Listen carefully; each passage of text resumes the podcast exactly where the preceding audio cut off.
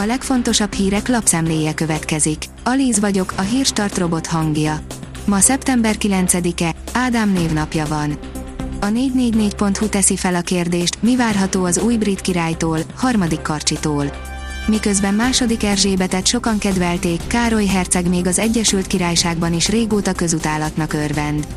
Mit gondolnak róla a britek, és mi várható a magánéleti botrányairól és korrupciós ügyeiről ismert új uralkodótól? A G7 írja, példátlan lendületben az ukrán ellentámadás, de már a téli harcokra is gondolnak. Mintaszerű offenzívát hajt végre Harkiv megyében az ukrán hadsereg, de ennek maximális sikere sem lesz elég önmagában a téli háború elkerüléséhez. Pucsot kiáltanak Sziget-Szent Miklóson.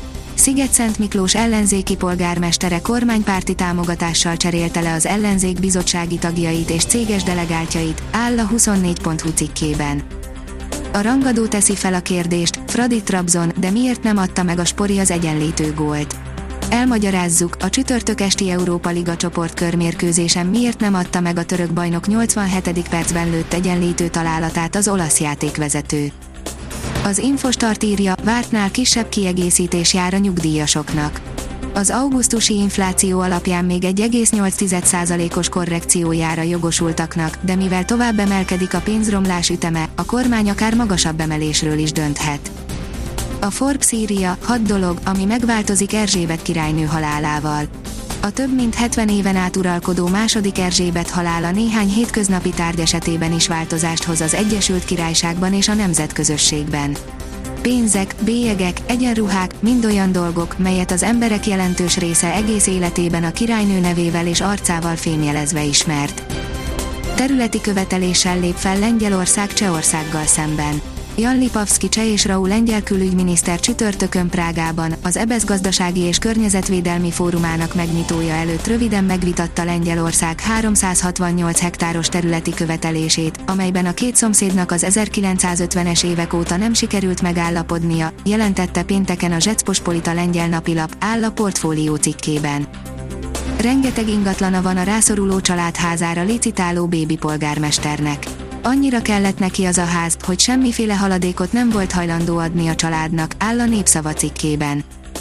A vg.hu szerint von der is múlik a magyar költségvetés sorsa. A költségvetési bevételek stabil felül teljesítésével és a kiadások visszafogásával mérséklődhet a pénzforgalmi hiány.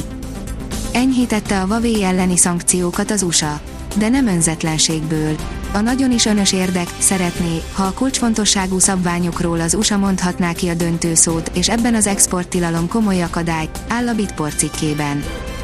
Megkapta az első intelmeket az új király, írja a napi.hu. Miközben a következő napoknak minden kétséget kizáróan az elhunyt második Erzsébet királynő előtti tisztelgésről kell szólniuk, ezt követően el kell gondolkodniuk a britteknek azon, miként kellene megváltoztatni közjogi rendszerüket azonnal távozik a Veszprém szlovén válogatott beállója. A szlovén válogatott beálló, Blas Blagotinszek jövő nyár helyett már pénteken távozott a Telekom Veszprém férfi kézilabda csapatától, írja az Eurosport. A Demokrata írja, elhunyt Jenesé András. Életének 75. évében elhunyt Jenesé András, a Népsport, majd a Nemzeti Sport egykori főszerkesztő helyettese. A kiderül szerint újabb esőzés érkezik, észak-keletre juthat a legtöbb csapadék. Ciklonképződés zajlik hazánk felett, nagy területen alkalmassá válnak a feltételek akár felhőszakadással kísért zivatarok kialakulásához az esti óráktól kezdődően. A Hírstart friss lapszemléjét hallotta. Ha még több hírt szeretne hallani, kérjük, látogassa meg a podcast.hírstart.hu oldalunkat, vagy keressen minket a Spotify csatornánkon. Az elhangzott hírek teljes terjedelemben elérhetőek weboldalunkon is.